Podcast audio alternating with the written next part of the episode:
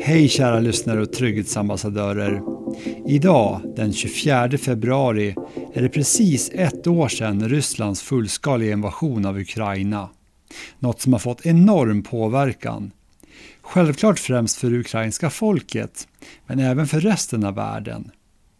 I det här avsnittet träffar vi några personer här i Sverige och hör om deras tankar om kriget. Och Östeuropakännaren Hugo von Essen och hör honom om kriget, vilka planer Ryssland kan ha framåt och vad som skulle kunna hända om Ukraina besegras. Om Ukraina har fallit, nu är Moldavien näst på tur. Vad är nästa steg? Det kanske är Georgien, fine, men, men sen kanske det är baltländerna, sen kanske det är Polen. Och då, då har vi ju liksom ett krig mellan NATO och Ryssland. Du lyssnar på Sveriges viktigaste podd, Trygghetspodden. Jag heter Erika. Nu har det gått ett år sedan kriget i Ukraina startade. Vad tänker du om det här året som har gått? Ja, jag tänker att det... Alltså det känns som att eh, när kriget väl startade så kändes det som att allt handlade om det. Och det var mycket prat om säkerhet och hur vi kan påverkas i vardagslivet om någonting händer här. Och nu känns det som att det, det, det blir inte så mycket, mycket prat om det överhuvudtaget. Förutom generella politiska säkerhetsfrågor. Men det känns som att eh, vi är inte lika oroliga längre. Är du själv orolig? Nej, inte särskilt. Det känns inte som att det här kommer påverka oss jättemycket mer än det har gjort om man kollar på ekonomin som har, priserna som har gått upp och så. Men annars så känns det inte som det kommer påverka oss så mycket. Alice. Nu har det gått ett år sedan kriget i Ukraina startade här. Vad tänker du om det? Alltså jag tycker att själva kriget är ju jättehemskt. Ja, det är sorgligt. Krig är ju aldrig bra, tänker jag. Och det är ju, jag tycker det är hemskt för de barnen som bor där. Att de får inte en så bra uppväxt. För de måste leva i rädsla. Har det här påverkat dig på något sätt, det här kriget? Och i så fall hur? Alltså ja, för att man tänker ju på det eh, väldigt mycket. Och sen är det ju också så här, eh, ja, men hur man tänker på hur man ska hjälpa dem. Typ om man ska donera saker, skänka pengar ja, och försöka hjälpa de som kommer hit. Hur känner du att du kan hjälpa till då? Men donera saker. Jag vet inte riktigt, men se om man kan hjälpa någon som kommer hit på något sätt. Och sen lära sig om kriget och hur de har det och så. Så man är utbildad. Adrian Wetterlund. Det känns fortfarande lika läskigt att det, det, att det är så nära och att det är så intensivt. Och att en så stor makt har så mycket inflytelse. Och just att det kanske har gjorts så lite ändå, trots allt. Så obehagligt tror jag. Vad menar du att det har gjort så lite? Ja men att jag trodde på något sätt att vi skulle ha gjort mer motstånd vid det här laget. Alltså det är mycket sanktioner och det är mycket att liksom rusta Ukraina men det känns som att det borde ha skett en större liksom grej från EUs sida vid det här laget. Har det här kriget påverkat dig på något sätt? I så fall hur? Inte personligen, mer än lite oro. Vad är du orolig för? Ja men det är ju krig nära. Det, det skapar ju en sån här oroskänsla på något sätt. Det känns så verkligt också. Alltså det är ju krig i världen ganska ofta, men just att det är här i Europa. Sofia Egersten. Det är, gud, det är så mycket känslor kring det där. Längre än vad man tänkte kanske då. Men sen så känns det som att det har liksom det står ju hela tiden att det ska pågå så länge så man behöver vänja sig vid det, den tanken. Men det är ju, nej, man tänker väl främst på alla som har drabbats av det. Och att det ett år är så sjukt länge. Och att de har levt i det så länge. Och vi alla har ju, men inga, alltså inte så direkt. Och också som kollegor som har eh, familj och så vidare där som man hör. Det, och det är läskigt också för att det blir en van, man vänjer sig. Och så liksom får man lite dåligt samvete för att man glömmer bort det för att livet fortsätter. Men sen så det är väl bra att uppmärksamma det då för sig. Mm. Har det här påverkat dig någonting personligt, själva kriget? Nej, jag är inte direkt berörd annat än kollegor som har familj som har drabbats. Och jag liksom känner mig med dem direkt för där har jag ju liksom personer som ansikten som jag har sett som är liksom. Men annars har det inte påverkat mig i liksom mitt liv, mitt jobb, någonting så. Utan mer liksom en nyhetsflöde och att stämningen i världen är lite sämre. Eller så. Det var några vanliga svenskars tankar. För att höra mer om kriget beger jag mig till Utrikespolitiska institutet som ligger alldeles intill Kungliga Tekniska Högskolan i Stockholm. Jag heter Hugo von Essen och jobbar som analytiker på Centrum för Östeuropastudier vid Utrikespolitiska institutet. Och vilken bakgrund har du? Ja, jag har eh, studerat bland annat statskunskap och eh, ryska inklusive i eh, Sankt Petersburg. Sen har jag också jobbat lite på utrikesdepartementet på Centralasien och Östeuropa-enheten där. Och sen har jag nu jobbat ett och ett halvt år här på Centrum för Östeuropastudier. Och vad är det du gör här? Ja, som analytiker så handlar det om att man ska bidra med policyanalys främst till regeringen eller till också EU-institutioner och det handlar om att berätta om vad som händer i den här regionen vi täcker men också varför det spelar roll, vad det får för konsekvenser för svensk, europeisk och västerländsk eh, politik gentemot den här, eh, den här regionen som vi täcker som då är Ryssland och eh, de sex länderna som ingår i EUs östliga partnerskap, det vill säga Ukraina, Moldavien, Belarus, Georgien, Armenien, Azerbajdzjan. Nu har det gått precis ett år sedan Rysslands fullskaliga invasion av Ukraina. Men den här konflikten startade ju långt innan dess. Kan du försöka att kort summera vad som var upprinnelsen till det här kriget? Ja, alltså den, den mest eh, relevanta och, närmaste i tid upprinnelsen var ju det, det krig som Ryssland startade i östra Ukraina 2014. Då man så att säga skapade artificiell separatism i, i östra Ukraina. Och eh, lyckades få en stor del av världen att tro att det här rörde sig om någon slags eh, äkta inbördeskrig mellan ukrainska separatister när det egentligen handlade om, om Ryssland som låg bakom det här. Så det var en, som någon slags eh, hybridkrigföring gentemot Ukraina och samtidigt så eh, annekterade man också den ukrainska Krimhalvön. Och sen dess har ju det här kriget mellan de här eh, ryskledda och ryskstödda separatisterna i östra Ukraina, eh, mellan dem och centralregeringen, det har ju fortsatt sedan 2014 i, ja, mer eller mindre aktivt fram tills 24 februari då förra året då Ryssland ska man säga, ökade aggressionen från det här fejkade inbördeskriget till den fullskaliga invasionen. Och nu har det alltså gått ett år av krig sedan den 24 februari förra året. Kan du även kort försöka summera vad som har hänt under det här kriget? Ja, alltså det är ju väldigt mycket som har hänt såklart, som har hunnit hända nu på ett år. Eh, den enklaste, snabbaste sammanfattningen är ju att det som skulle vara från rysk sida en tre dagars eh, militär specialoperation nu har pågått i ett år utan att Ryssland har kommit närmare sina mål med det här kriget.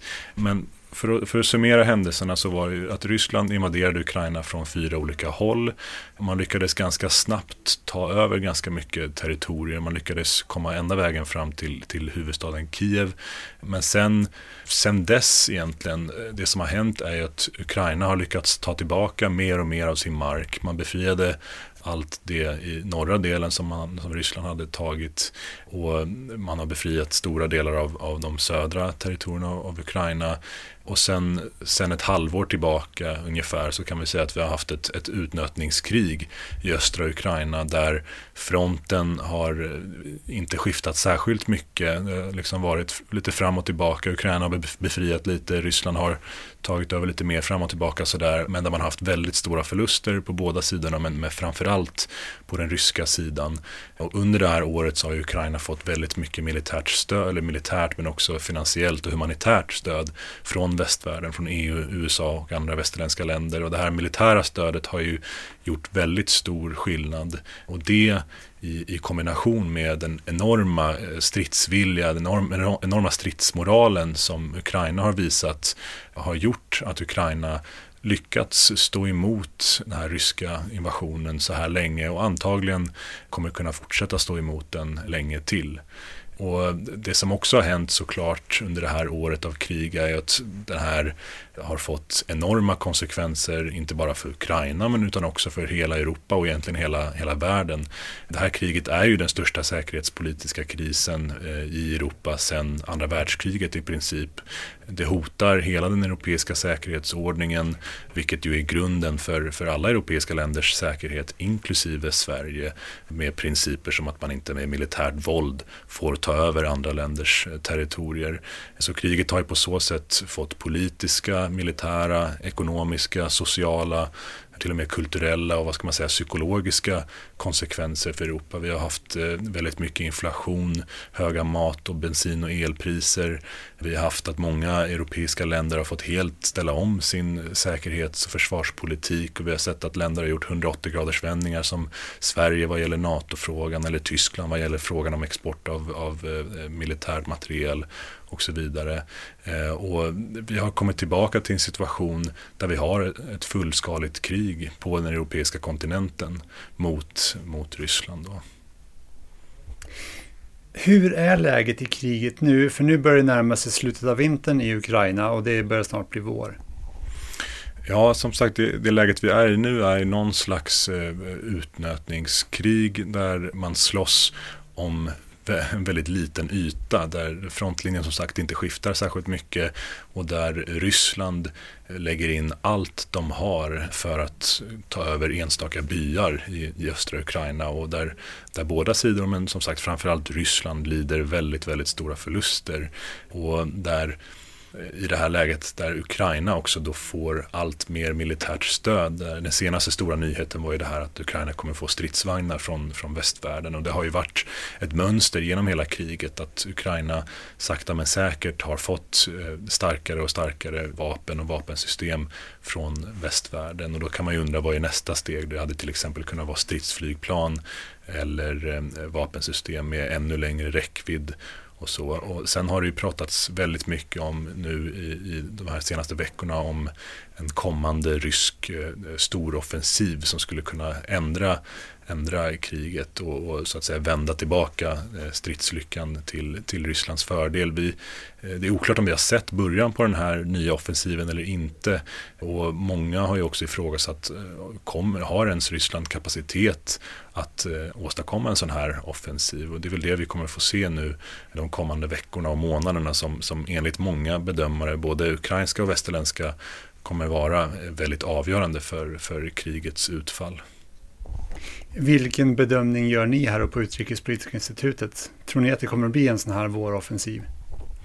Det är såklart det blir spekulativt och svårt att säga. Jag, jag personligen tror att eh, vi har sett en början av ett försök i alla fall från rysk sida till en sån offensiv där Ryssland har lagt in väldigt mycket, väldigt mycket nya trupper nu de senaste, den senaste tiden.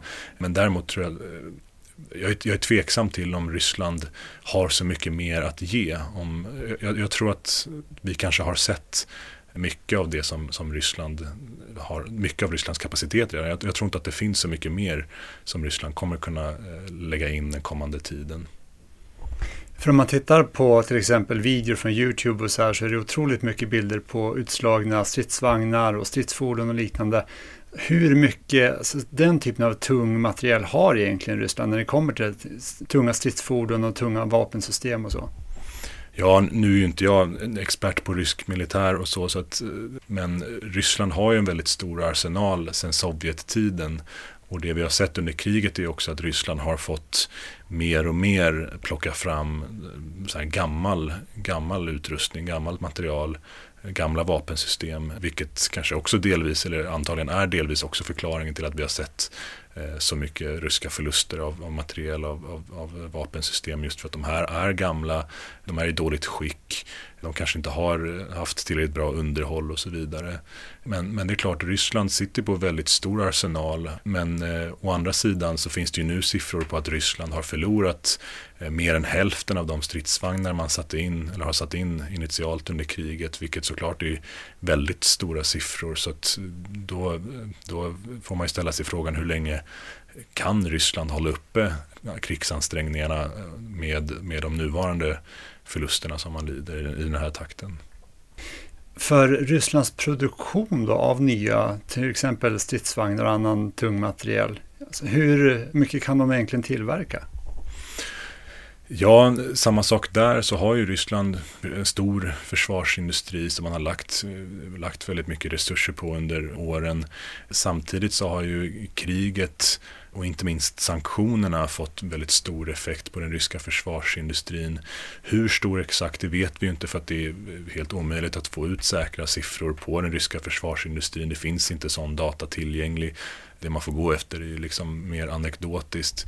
Men det som den data vi har indikerar på är att den ryska försvarsindustrin på grund av kriget, på grund av sanktionerna har svårt att producera i samma takt som man har gjort hittills och förut har svårt att hitta, få tag på det material som man behöver.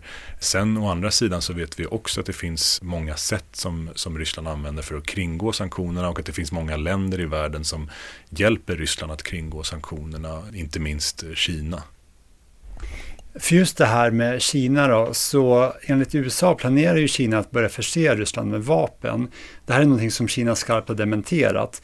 Men hur sannolikt tror du att det är att Kina börjar göra det? Och då såklart i smyg, för de vill inte att västvärlden ska se att de levererar vapen. Nej, precis. Och, bakgrundskontexten där är att Kina har ju gått en väldigt svår, eller försökt gå en väldigt svår balansgång under kriget där man å ena sidan på ett väldigt tydligt och avgörande sätt har gett Ryssland diplomatiskt, politiskt och inte minst ekonomiskt stöd under hela kriget. Men där man å andra sidan samtidigt har försökt få det att framstå som att Kina är en neutral aktör här som bara vill ha fred. Och som en del i den här balansgången mellan att stödja Ryssland men samtidigt låtsas vara neutral så har man inte gett direkt militärt stöd, i alla fall vad det finns fakta och eh, data på. Så man har inte skänkt eh, vapen eller vapensystem så. Däremot så vet vi att Kina har exporterat och stöttat Ryssland med, med andra produkter som är fortfarande avgörande för de ryska krigsansträngningarna. Till exempel mikrochips, olika metaller som är avgörande för den ryska försvarsindustrin eller olika reservdelar till vapensystem. Så på så sätt så har man ju ändå stöttat Ryssland även militärt, materiellt, indirekt om nu det här stämmer, de här senaste uppgifterna om att Kina har börjat eller planerar börja Eh, öka sitt militära materiella stöd till Ryssland. Till exempel genom att inte bara ge reservdelar utan också börja ge, eller exportera vapen eller vapensystem. Så skulle ju det såklart vara väldigt allvarligt. Dels för kriget men, men inte minst eh, för Kina självt. För Kinas relationer med västvärlden och Kinas anseende globalt som en, en seriös ansvarstagande aktör. Vilket är den bilden som Kina vill ha internationellt. Dels i västvärlden men också i tredje världen i, i globala syd, i Afrika och Asien och Sydamerika och så vidare. Så att Kina skulle ge sånt här militärt eller öka sitt militära stöd till Ryssland, det skulle få allvarliga konsekvenser men samtidigt skulle jag inte utesluta att det kan hända med tanke på att Kina har mycket att vinna på att det går bra för Ryssland i kriget. Så att och det här att, att hjälpa länder kringgå sanktioner, det är ju någonting vi vet Kina har gjort väldigt mycket tidigare, till exempel med Nordkorea. Det finns mycket sån kinesisk expertis och allt eftersom att eh, gränserna för var sanktionerna eh, går har blivit tydligare så kanske det finns större självförtroende nu ett år in på kriget från kinesiska aktörer att börja utmana de gränserna, att börja testa om västvärlden verkligen är villig att straffa Kina för det. Så det skulle ligga i linje med hur Kina har agerat hittills om Kina skulle öka sitt militära stöd till Ryssland. Det skulle också ligga i linje med, med kinesiska intressen. Men som sagt, det kommer fortfarande vara en svår balansgång för att Kina är ju inte villigt att helt offra allt annat för att hjälpa Ryssland. Så viktigt är inte Ryssland för Kina och så mycket bryr sig inte Kina om, om Ryssland eller kriget. Att man skulle till exempel ingå i en, öppet i en, i en formell militär allians med Ryssland. Utan det skulle riskera alldeles för mycket av Kinas relationer med västvärlden. Och här är det ju viktigt att komma ihåg att Kinas ekonomiska relationer med västvärlden är många, många gånger större än Kinas ekonomiska relation med Ryssland. Så på så sätt är ju västvärlden på många sätt eh, viktigare för, för Kina. Och sen ska man, ju också, man kan ju också lägga till att det finns många andra skäl som så att säga begränsar, eller många andra faktorer som begränsar Kinas och Rysslands relation och dess utveckling. Inte minst att länderna inte litar på varandra särskilt mycket. De är inte särskilt nära varandra egentligen. Så av många sådana skäl så har jag svårt att se att man skulle ingå i någon typ av militär allians. Men att Kina skulle öka sitt militära materiella stöd, det tror jag eh, absolut kan vara sannolikt. För Kina är ju en väldigt viktig spelare i det här storpolitiska spelet. Och lite kort bara, du nämnde att Kina har mycket att vinna på att det går bra för Ryssland i det här kriget. Vad har de att vinna på det? Ja, alltså Ryssland och Kina kallar ju varandra för strategiska partners. Och man har under väldigt lång tid, under flera decennier, byggt upp allt starkare relationer inom många olika fält, militärt, ekonomiskt, politiskt och så att säga diplomatiskt också. Man, man delar väldigt mycket samma världsbild och den, i korthet, den världsbilden går ut på att de, de regler vi har på den internationella arenan, de, den internationell lag och hela det globala regelverket menar Ryssland och Kina är någonting som västvärlden har skapat och som västvärlden gynnas av medan andra länder som Ryssland och Kina missgynnas av det. Så därför finns det liksom ett, ett gemensamt mål hos Ryssland och Kina att så att säga störta den här eller förändra den här världsordningen till en ny världsordning där länder som Kina och Ryssland har mycket mer att säga till om, om alla globala regler oavsett om det gäller regler kring handel eller om det handlar om normer kring vad som räknas som demokrati eller mänskliga rättigheter och så vidare. Vad, vad länder har rätt att göra mot sina grannländer och så där. Så att i den här ideologiska kampen mellan, mellan Kinas och Rysslands världsbild, eller mellan den världsbilden och mellan västvärldens världsbild, i kampen mellan de, demokrati och, och, diktatur, så är Ryssland en väldigt viktig, eller kanske den viktigaste partnern för Kina. Och, och just därför så behöver Kina Ryssland i den här kampen mot, mot till exempel USA. Kina ser ju USA som, som den främsta rivalen och fienden och eh, inte bara nu utan för Kina så handlar det också om väldigt långsiktiga perspektiv. Man ser 20 år framåt eller 50 år framåt eller till och med 100 år framåt och då ser man USA som den främsta fienden som måste bekämpas och då behöver man Ryssland på sin sida. Men sen finns det andra mer praktiska skäl också till varför Ryssland är viktigt för Kina, varför det är viktigt för Kina att det ska gå bra för Ryssland i kriget. Eh, dels är det ju att Ryssland och, och dess krig mot Ukraina är en väldigt bra distraktion för västvärlden. För nu tvingas ju vi i västvärlden, EU och USA att lägga massa resurser och uppmärksamhet på att, att eh, stoppa Ryssland, på att besegra, hjälpa Ukraina besegra Ryssland istället för att fokusera på, på Kina och allt det som Kina gör i sin del av världen. Och, och här har, spelar ju Taiwan en viktig roll och eventuellt ett eventuellt framtida kinesiskt eh, krig eller kinesisk eh, aggression mot Taiwan. Men sen är det ju också så att eh, det är väldigt bekvämt för Kina att ha Ryssland på sin sida och att Ryssland inte har, liksom, att Ryssland inte kollapsar som stat för att de delar en väldigt lång gräns med varandra och tidigare under 1900-talet så har det ju funnits också, eh, har ju de relationerna varit mycket sämre.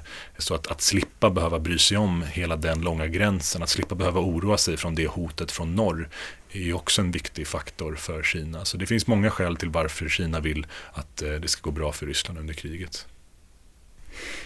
Ja, kriget går ju uppenbarligen ganska dåligt för Ryssland, men som du sa så fortsätter de hela tiden att skicka in nya soldater. De som kommer till Ukraina nu är ju sämre utbildade och enligt det brittiska försvarsministeriets underrättelsetjänst så har den ryska sidan hittills förlorat mellan 175 och 200 000 soldater. Och av dem har uppskattningsvis mellan 40 och 60 000 dödats. Och som vi har kunnat höra tidigare i Trygghetspodden så är hela maktsfären i Ryssland väldigt beroende av Putin. Men ändå, alltså hur många ryssar kan egentligen dö och skadas innan andra makthavare i Kreml eller höga militärer i den ryska armén får nog? Ja, det är också en väldigt svår och spekulativ fråga. Och jag tror att det nog kan gå väldigt mycket längre, tyvärr, än vad vi har sett hittills. För alternativet är att vi skulle se någon typ av, eh, någon typ av maktskifte eh, eller att det skulle vara någon, någon intern kupp mot Putin eller att någon, skulle, någon eller några skulle försöka göra sig av med Putin på något sätt. Men det finns ganska många hinder eller ganska många problem med ett sådant scenario. Inte minst därför att hela systemet, alltså Putin har ju under sina, eh, vad blir det, 23 år vid makten har han ju byggt upp ett system som, som ska vara liksom kuppsäkert på många olika sätt. Han har många olika faktioner inom maktsystemet som slåss mot varandra, som inte litar på varandra. Det finns ju såklart många olika maktcentrum och det är svårt att se att olika spelare skulle kunna börja konspirera mot Putin utan att han skulle upptäcka det eller att, han, att det skulle märkas av. Så att ett annat problem är ju att vem skulle vilja ta över makten efter Putin? Vill man verkligen eh, ta över i det här läget? Jag menar, Putin är ju inte i en särskilt attraktiv situation. Så att då är frågan, vill någon verkligen ha, tror någon att någon skulle kunna göra ett bättre jobb än Putin? Eh, så, så det finns många olika, eh, många olika sådana faktorer som, som hindrar eh, eller gör det osannolikt med någon typ av kupp, kupp mot Putin. Så jag tror tyvärr att det är väldigt många fler ryssar kan dö innan någonting skulle börja hända. Om det ändå skulle hända någonting, att det skulle vara någon som försöker bli av med Putin, hur sannolikt är det att de skulle lyckas skapa ett folkligt stöd i och med att det ryska folket är så kuvat? Tyvärr är nog även det osannolikt eh, att, att man skulle lyckas skapa folkligt stöd. Så precis som du sa, det ryska folket är väldigt kuvat. Vi vet att det finns väldigt mycket apati hos det ryska folket. Man har liksom tappat all tro på att man själv som individ eller att man själv som, som eh, samhälle kan påverka utvecklingen eller att man ens har någonting att hoppas på eller tro på. Man har ju snarare, jag tror att många ryssar snarare har inställningen att det här är hårda tider, vi lever i hårda förhållanden men jag själv kan inte göra någonting åt det så det bästa är bara att försöka göra mitt egna liv så drägligt som möjligt. Så att på så sätt så tror jag att det är svårt att, att se att, att man skulle lyckas samla ett sådant folkligt stöd. Kriget går som sagt ganska dåligt för Ryssland. Men hur stor sannolikhet skulle du ändå bedöma att risken är att Ryssland framöver kommer att fortsätta med sin aggression även mot andra länder? Att Ryssland har ambition och ambitionen och intresse att fortsätta bedriva sin aggression mot andra länder, det finns det ingen som helst, eh, ingen som helst tvivel om. Om Ryssland skulle eh, besegra Ukraina, skulle lyckas erövra Ukraina, vilket i och för sig ser osannolikt ut i nuläget, men om man lyckades med det, då tror jag att det är väldigt, väldigt stor sannolikhet att man sen skulle gå vidare mot andra länder i sitt närområde, till exempel Moldavien, Georgien, kanske till och med baltstaterna, Kazakstan, Polen. Men, men eh, däremot är det väldigt svårt att se att Ryssland skulle ha kapacitet att göra det. Jag menar, det här kriget har ju dränerat enormt mycket rysk militär kapacitet och inte bara militär kapacitet, kapacitet det har ju haft eh, väldigt allvarliga konsekvenser även för rysk ekonomi. Och även de sanktioner vi har sett hittills kommer på lång sikt ha väldigt stora begränsande konsekvenser för rysk försvarsindustri och för hela ryska samhället, för den ryska statens möjlighet att bedriva den här, den här typen av aggression, vilket såklart också är, är målet med sanktionerna. Så att, att viljan finns där hos, hos Ryssland, hos den ryska ledningen och antagligen också hos det ryska folket, absolut. Finns kapaciteten där framöver? Antagligen inte. Men om det nu skulle vara så, så det som Ryssland verkar rikta in sig på först är i så fall Moldavien, som var ett av de länderna du nämnde. Och Ukrainas president Volodymyr Zelensky har ju nyligen varnat Moldavien för att de står näst på tur i Moskvas krigsplaner. Och i förra veckan höll Moldaviens president Majda Sandu en presskonferens där hon sa att Ryssland planerar en statskupp i Moldavien. Om vi bara tar en kort tillbakablick här först, för de lyssnare som kanske inte har full koll på Moldavien. Varför är Moldavien intressant för Ryssland? Ja, Moldavien var ju en del av Sovjetunionen och precis som alla andra länder som, som var en del av Sovjetunionen så ser ju Ryssland på Moldavien som, eh, som en del av sin intressesfär, som att Ryssland fortfarande har rätt att styra utvecklingen där, att Ryssland har fortfarande eh, rätt att eh, att begränsa de här ländernas självständighet och suveränitet och att de här länderna egentligen inte riktigt är riktiga länder utan eh, snarare helst någon slags satellitstater eller någon slags semilydstater till Ryssland. Och i framtiden enligt den ryska drömmen då återigen kanske delar av någon, någon ryskt nytt imperium så att säga. Och de här länderna har ju också stor betydelse för Ryssland även kulturellt och socialt. Alltså, det finns många historiska band mellan de olika folken och, och det finns ju också en stor rädsla från Rysslands sida att om det går bra för de här länderna, för, för eh, länder som Ukraina eller Moldavien eller Georgien, så kommer det bli ett väldigt farligt exempel för den ryska befolkningen. För att om den ryska befolkningen ser att moldaverna eller ukrainarna kan ha det så här bra och, och kan få uppleva demokrati och frihet och ekonomiska framgångar och så vidare. Varför kan inte de få det i Ryssland också? Och så upplever man ju, eller så finns det också en idé från rysk sida om att eh, västvärlden försöker eh, använda de här länderna som instrument för att hota Ryssland. Så att Moldavien är viktigt för Rysslands eh, imperieambitioner helt enkelt. Men också för Putin och hans regim, för deras eh, möjlighet att, att behålla makten, för deras regimsäkerhet så att säga. Så att det, Moldavien är väldigt viktigt eh, av sådana skäl för Ryssland. Och den senaste tiden har det varit protester i Moldaviens huvudstad Chisinau mot den nya västvänliga regeringen och för Ryssland. Vad handlar det här om? Ja, där handlar det om att Ryssland har en väldigt välutvecklad och, vad ska man säga, diversifierad verktygslåda för att utöva påtryckning och destabilisering mot sina grannländer. Och då finns det ju väldigt många olika metoder som Ryssland använder och en sån metod är just sådana här fejkade protester som det verkar som att, eller allt pekar på att den här, de här protesterna i Chisinau var där Ryssland helt enkelt betalar människor eller triggar igång proryska grupper eller helt enkelt bara tvingar folk att gå ut på gatan eh, på olika sätt eh, för att protestera, för att på så sätt skapa social oro, social instabilitet och därmed försöka underminera den moldaviska regeringens eh, makt och säkerhet.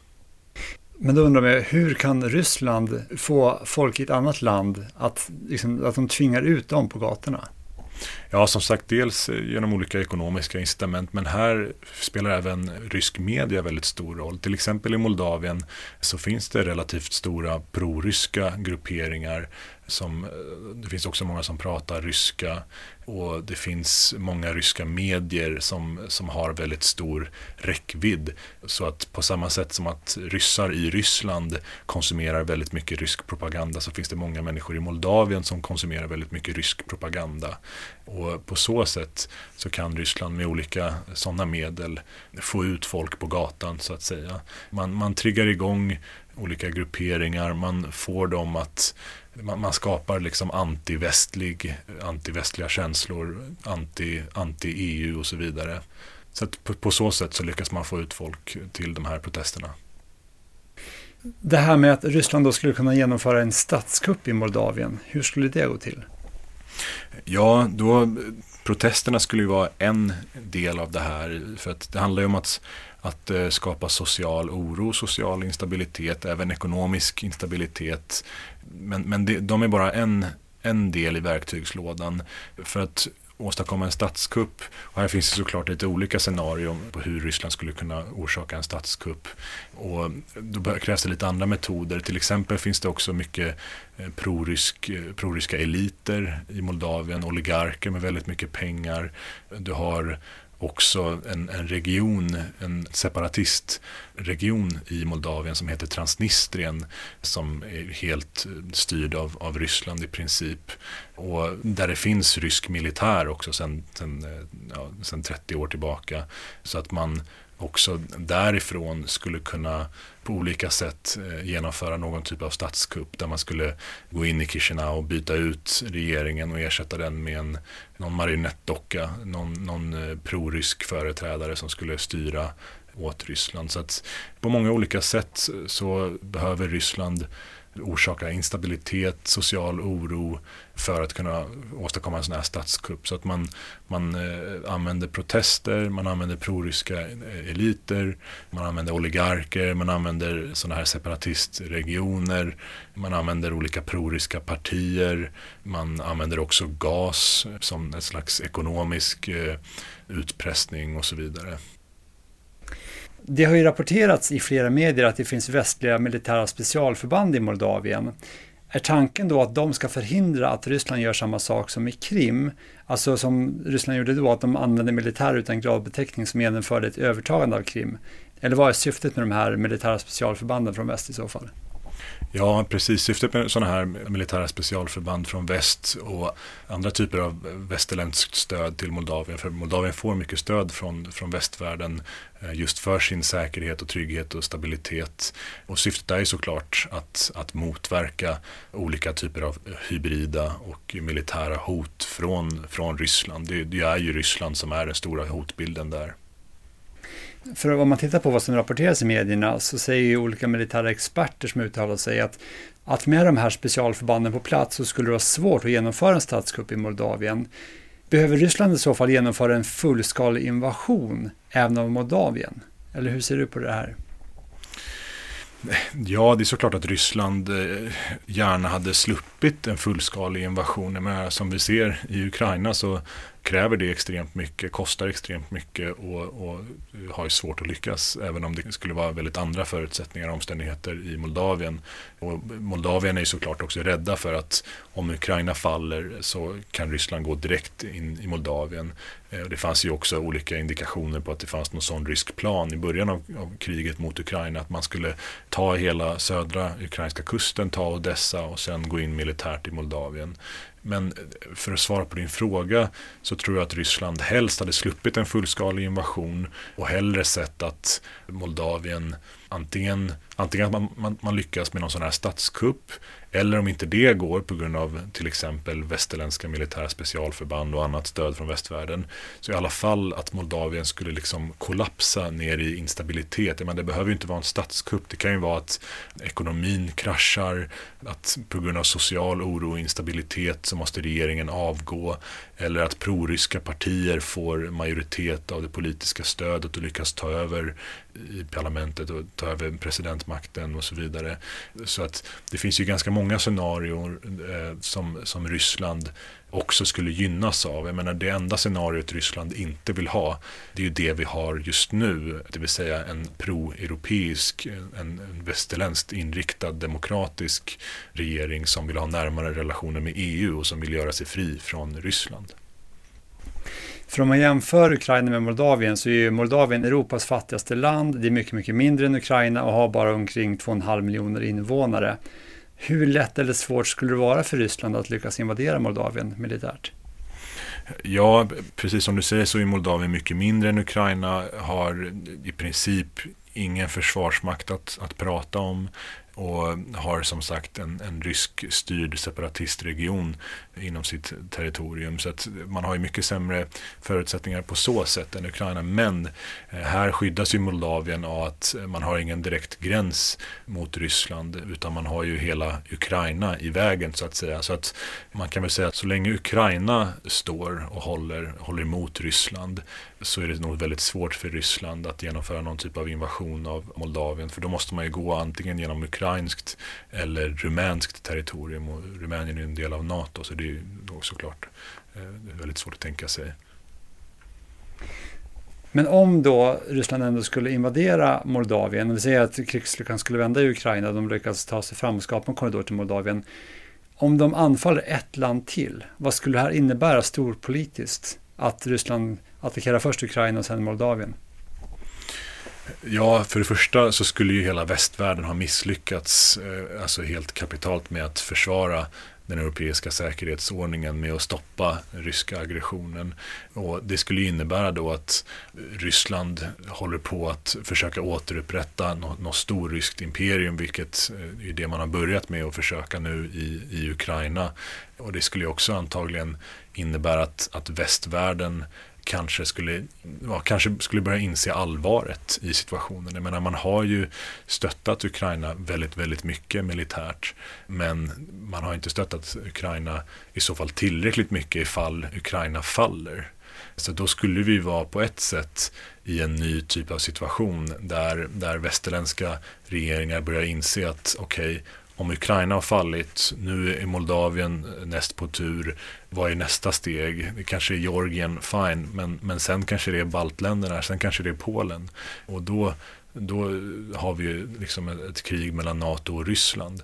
Så att det, det, skulle ju vara såklart en helt katastrofal situation, extremt allvarlig, extremt seriös.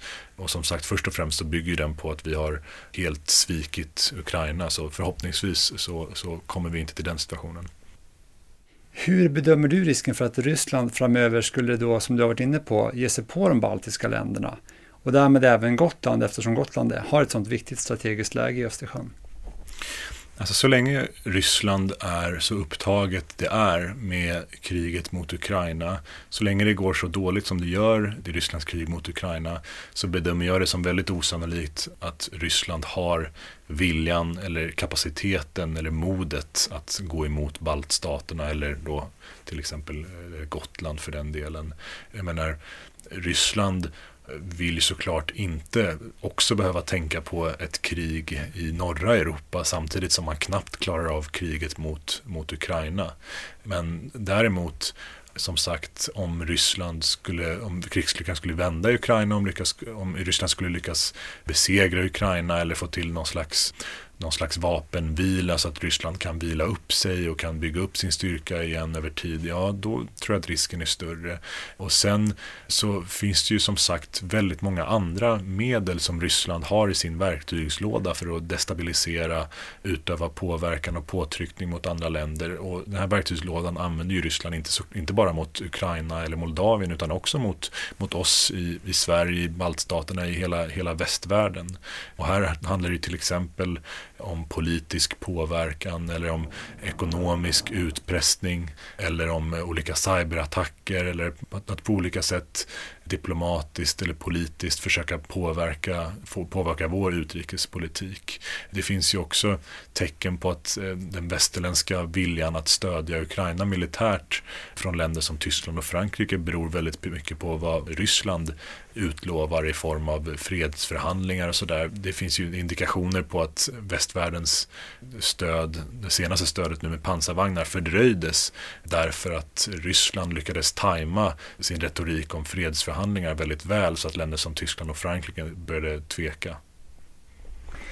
För just det här med cyberattacker så har det genomförts bara de senaste veckorna en rad cyberattacker mot svenska myndigheter, nyhetsförmedlare, och olika företags hemsidor.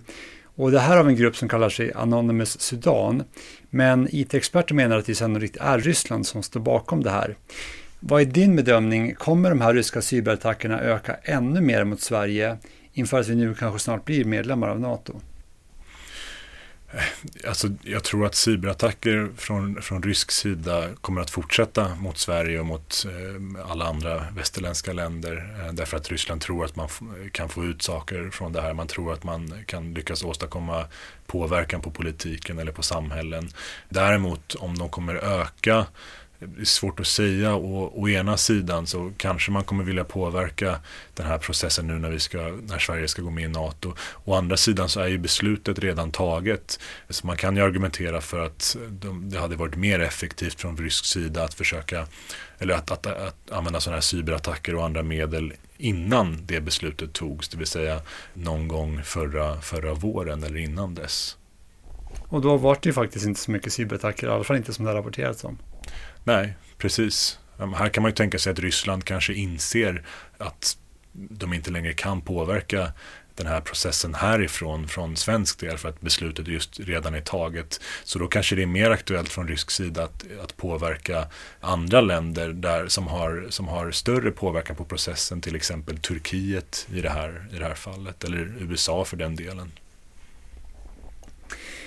Till sist då, hur oroliga eller kanske mentalt förberedda bör vi här i Sverige vara på att vi kan attackeras med ännu fler olika former av hybridkrigsföring som då cyberattacker eller annat från Ryssland eller i värsta fall militärt? Att Sverige skulle attackeras militärt av Ryssland är som sagt väldigt osannolikt. Det tror jag man inte behöver oroa sig för. Däremot ska man ju nog absolut vara, vara medveten om och försöka förbereda sig eh, så gott man kan på att cyberattacker kommer att fortsätta för, från Ryssland, för det, det, kommer de. Men också andra typer av, av påverkansmedel från Ryssland som eh, politisk påverkan eller olika, olika sätt att påverka eh, valprocesser eh, eller desinformation eller propaganda och så vidare. Det, det kommer fortsätta och det är ju såklart väldigt bra att vara, vara medveten och vara beredd på det även om jag inte tror att man, kommer, att man behöver oroa sig särskilt mycket. Du har hört ett avsnitt av Trygghetspodden. Fler avsnitt finns på trygghetspodden.se.